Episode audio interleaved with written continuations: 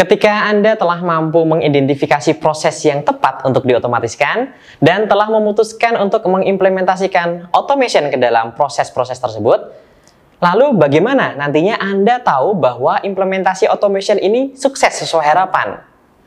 Ada pengukuran-pengukuran yang itu nantinya perlu untuk dilakukan. Apa saja itu? Yuk kita simak di video ini.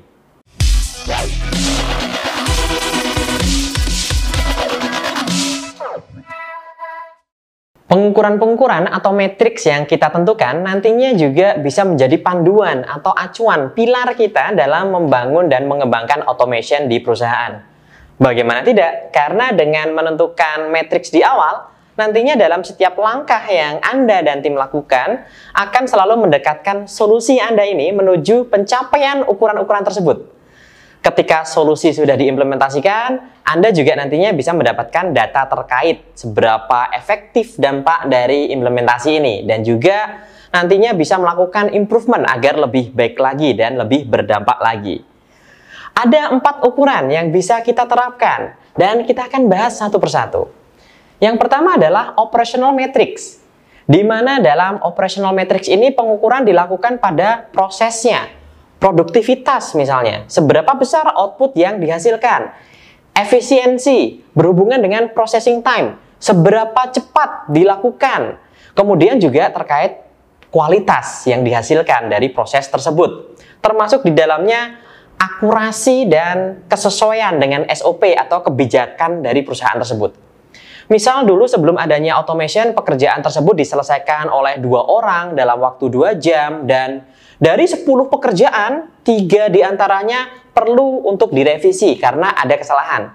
Sementara setelah diimplementasikan automation, maka pekerjaan yang sama cukup dilakukan oleh robot di dalam waktu 15 menit dan dari 10 pekerjaan itu tidak ada kesalahan sama sekali di dalamnya. Yang kedua adalah worker matrix, yaitu sebuah pengukuran yang berfokus kepada sisi tenaga kerjanya seberapa banyak tenaga kerja yang bisa direalokasikan. Berapa waktu yang dihemat oleh karyawan dalam menjalankan perannya setelah adanya automation ini. Sehingga karyawan bisa melakukan pekerjaan dengan value yang lebih tinggi lagi. Contohnya ketika suatu pekerjaan belum diotomatiskan dalam proses recruitment misalnya. Seorang recruiter harus melakukan screening kandidat, memilah-milah dokumen, menyimpan dokumen, memberikan respon terhadap aplikasi dari kandidat tersebut, belum lagi hal-hal administratif lainnya, seperti mengirimkan offering letter, mengirimkan memo ke IT untuk mempersiapkan kebutuhan karyawan baru ini nantinya. Sementara ketika diimplementasikan automation, seorang recruiter itu bisa lebih fokus mempersiapkan interview dan melakukan interview dengan lebih baik lagi sehingga mampu benar-benar mendapatkan kandidat yang terbaik alih-alih dia berfokus pada hal-hal administratif yang itu sebenarnya robot aja bisa melakukan. Yang ketiga adalah financial matrix.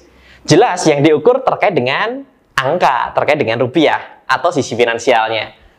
Dari kedua metrik sebelumnya tentu saja berdampak secara tidak langsung pada aspek finansial juga. Contohnya, karena kualitasnya meningkat dan tidak diperlukan tambahan waktu untuk perbaikan, sehingga produktivitas juga meningkat. Maka berapa rupiah biaya yang dapat dihemat atau baik secara tahunan atau 3 sampai 5 tahunan, berapa lama payback periodnya dari investasi ini dan berapa ROI dalam tiga tahun misalnya dan segala macam perhitungan atau matriks pengukuran dari sisi finansial itu bisa ditentukan nantinya. Yang keempat adalah strategic matrix yaitu pengukuran yang ditujukan fokuskan pada aspek strategis perusahaan seperti alignment terhadap strategi transformasi digital yang perusahaan inisiasi. Seberapa mampu otomasi ini nantinya mengenable perusahaan dalam mencapai bisnis goals-nya dan bagaimana automation ini nantinya bisa membantu karyawan dalam pekerjaannya dan mengurangi tingkat turnover serta mampu menciptakan suatu inovasi di dalam perusahaan tersebut. Oke, teman-teman, ada empat hal yang tadi sudah dibahas dari operational matrix, worker matrix, financial matrix, serta strategic matrix. Dan dengan mengetahui hal tersebut, dengan mengetahui empat metrik tersebut, diharapkan automation Anda nantinya bisa lebih berdampak dan terukur dengan baik bagi perusahaan Anda. Semoga video ini bermanfaat.